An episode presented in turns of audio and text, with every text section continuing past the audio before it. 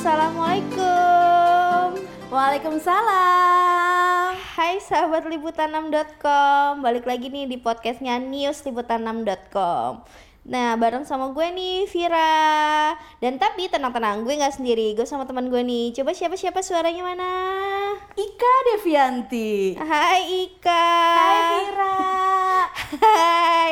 Eh, BTW nih ya, ke di awal-awal tahun ini nih kita de Jakarta dan pokoknya Indonesia lah ya kurang lebih Jabodetabek kali. Jabodetabek kali ya.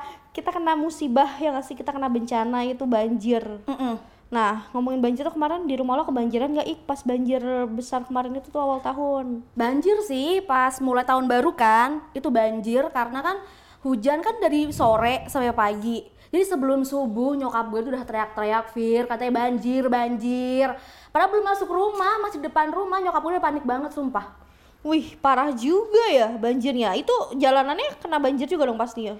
Kalau jalanan pasti masuk rumah tuh ya mungkin kira-kira semata kaki lah gitu. Uh, parah juga ya berarti. Nah, terus lu kerjanya gimana dong? Kan mesti liputan juga kan? Liputannya ke Jakarta dong pastinya. Itu gimana aksesnya dong? Kalau pas hari pertama banjir tanggal 1 eh, bersyukur sih sebenarnya gue libur. Wih, terus terus? Tapi akses untuk keluar rumah kayak ke pasar, mau beli belanja makanan itu susah karena harus nunggu sampai siang karena eh, alhamdulillah di rumah gue itu cepet surut. Jadi cuma dari pagi sampai siang itu udah nggak banjir gitu. Tapi buat akses ke tempat-tempat yang kayak kayak gue mau ke Jakarta nih, kan gue harus ke stasiun. Itu aksesnya susah karena banyak genangan. Wah, gitu. Nah, terus lo tapi liputan ke Jakartanya ke Jakarta nggak? Kalau gue kan karena libur, gue tetap mantauin grup WhatsApp Balai Kota karena kan gue post dan uh, liputannya di Balai Kota. Karena gue libur, gue harus tetap pantau karena untuk melihat pergerakan Pak Gubernur. Kan setelah banjir, Pak Gubernur mantau beberapa sejumlah titik lah, sejumlah titik kayak di Pintu Manggarai, Kampung Pulo. Itu kan pergerakannya cepet ya. Jadi ya harus mantauin dari WhatsApp buat teman-teman yang kerja di lapangan untuk ngebantu info. Oh gitu, oh ya ya. BTW nih, sahabat liputan6.com, Ika ini nih biasanya ngepostnya emang di balai kota. Jadi ya dia biar gimana walaupun libur tetap mantau megapolitan. Ya nggak benar nggak Ika? wajib Tuh. itu kayak fardu ain lah ya Oh, itu fardu harus. ain tuh. karena pergerakannya Pak Gubernur ini kan set set set cepet gitu loh Fir jadi kita harus tetap mantau Oh iya, nah nih ngomongin soal banjir nih. Nah kemarin sebenarnya kan Jakarta nih udah ngelakuin yang namanya normalisasi sama naturalisasi. Nah normalisasi itu kan kita kenal pas zamannya eranya Pak Ahok betul eranya Pak Gubernur Ahok. Nah naturalisasi dari eranya zamannya Pak Gubernur Gubernur Anies. Nah Anies. sebenarnya tuh bedanya apa sih? Kalau dari apa ya nama sih mungkin beda ya mesti masyarakat awam udah tau lah normalisasi naturalisasi gitu. Tapi sebenarnya sih nggak ada beda nggak terlalu beda jauh gitu loh Fir. Kalau zamannya Pak Ahok kan ya kita tahu lah normalisasi ada pengarukan pelebaran penataan rumah-rumah warga kampungnya itu dengan cara relokasi gitu. Jadi ya orang yang orang biasa taunya ya penggusuran lah gitu Oh iya, bener tuh. Ah, kalau zamannya Pak Ahok kan terkenal dengan penggusuran gitu. Tapi kalau zamannya Pak Anies naturalisasi itu lebih ke kayak dia tuh pengarukan, pelebaran dan dia tuh menata menata kampung. Dia nggak nggak merelokasi gitu sih. Oke, nah itu BTW baca selengkapnya di liputan6.com itu udah ada tuh artikel lengkapnya antara perbedaan naturalisasi dan normalisasi. Wajib baca. Wajib dong. Nah terus nih, kayaknya nih selama Januari ini nih eh, Jabodetabek Indonesia lah nih cuacanya bakal ekstrim bener gak sih?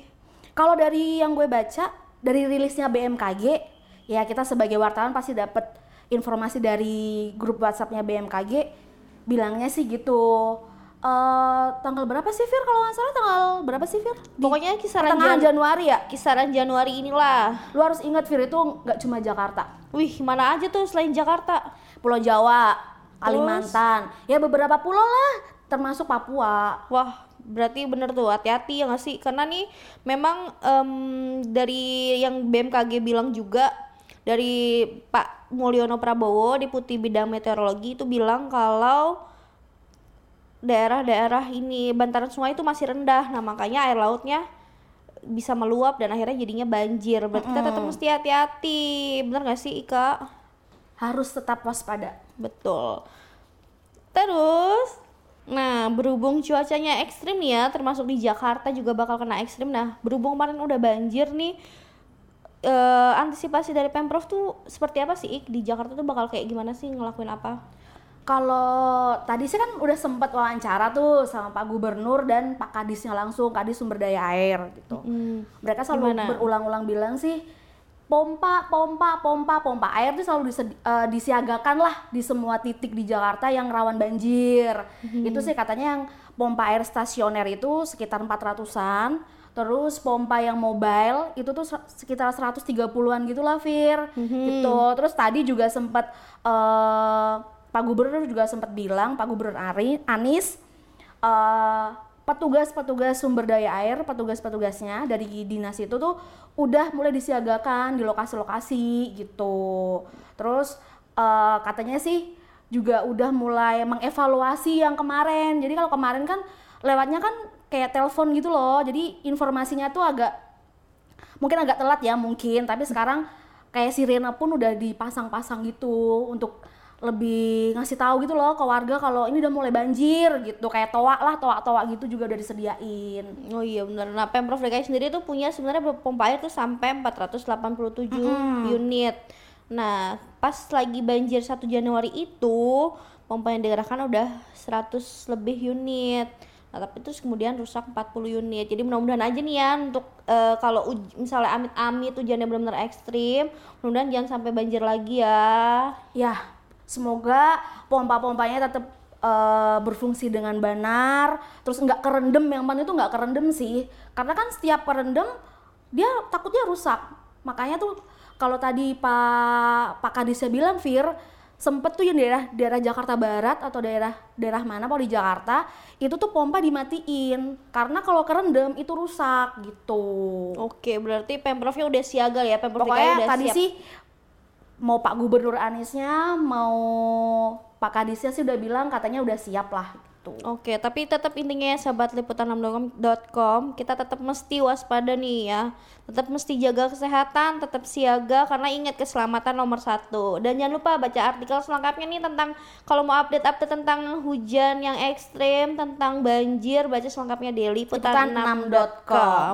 Oke, kita pamit dulu bareng sama saya Vira dan Ika. sampai jumpa di podcast podcast news liputan6.com selanjutnya. Terima kasih.